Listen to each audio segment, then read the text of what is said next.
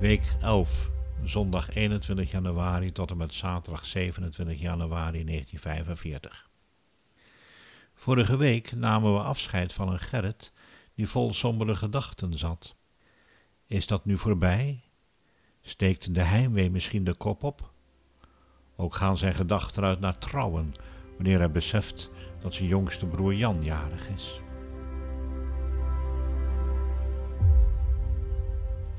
Hoe zou het met het eten zijn op Urk deze winter? Is er voldoende om zoveel monden te vullen? En hoe staat het met het inkomen? Vader, visserman op de Noordzee, kan onmogelijk vissen dit oorlogsjaar. Dat deed hij toch al niet op het moment dat ik opgepakt werd. Dat mocht niet meer na de invasie in Frankrijk. Hoe vaak gingen we samen lopend over de dijk van het drooggelegde polder op weg naar ons werk? Vader werkend bij een boer en ik als timmerman werkend bij een aannemer boerderijen bouwen. Vader zal wel zonder werk zitten, of heeft er nog steeds werk bij een boer? Er zou in Nederland veel vernield zijn. Er zal genoeg behoefte zijn aan hout, en daar wordt een timmerman blij van. Als we na de oorlog gebrek hebben aan hout, moeten we het maar uit dit moffenland halen, hout zat. Nee, hak ik een paar takken af van een net gevelde boom. Alles is saai hier. Saai is het weer, maar wel koud. Saai zijn de dagen en donker. Saai het werkritme, hak, hak, hak. Saai zijn de bewakers, aan die arbeid. En saai zijn de dwangarbeiders. Wanneer zijn we vrij? De Fransen onder ons maken veel ruzie en de Duitse deserteurs zijn chagrijnig. Wij Urkers maken nogal eens een grap. Wij houden de moed erin. Urker humor is aparte humor. Je moet het begrijpen, anders vind je er niks aan. En een Urkerbak moet ook in het Urkers verteld worden. In het gewone Nederlands klinkt het lang niet zo grappig. Wij Urkers zijn toch een apart volkje. Had ik al vermeld hoe ik mijn Tini ontmoet had? Ik geloof het niet. Nu het werk zo eentonig is en er bijna niets gebeurt, kan ik dat best nu wel even vertellen. Ik liep met een aantal vrienden over Urk en we sloegen bij de Bettelkerk linksaf de Torenstraat in.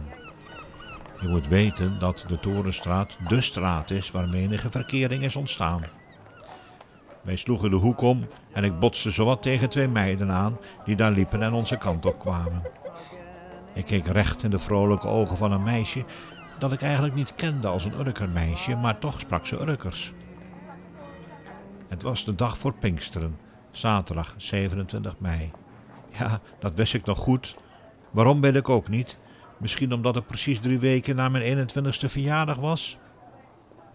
Ik maakte een praatje met haar en vroeg of ze de tweede Pinksterdag s'avonds om zes uur weer in de Torenstraat was. Daarmee stemde ze in. En zo is het gekomen.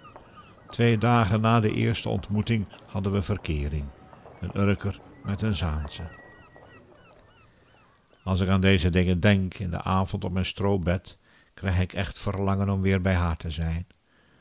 Maar ja, een hek en een slagboom houden mij tegen, en een paar geweren. Houden een hek en een slagboom ons echt tegen? Met Lup, Jan en Frans heb ik het nog wel eens over ontsnappen. Als we in de groep naar onze werkplek marcheren en we vlak naast elkaar lopen, dan praten we erover. Of als we vlak bij elkaar werken. Maar ja, het is winter en het vriest zo'n twaalf graden. Is dit wel het geschikte moment om te ontsnappen? We moeten niet alleen lopen naar huis, maar ook in ons onderhoud voorzien. We moeten onderweg wel aan eten zien te komen. Stelen van de moffen vinden we niet zo'n probleem, maar als de moffen zelf ook bijna niets hebben in de winter, valt er niets te delen of iets van het veld te halen. Dat is ook de reden dat we niet meer op bedeltocht gaan. In december ging het nog wel, maar nu niet meer. We moeten wachten op een geschikter moment. In maart zou beter zijn, maar ja, dat duurt nog twee maanden. Schoten de geallieerden maar op.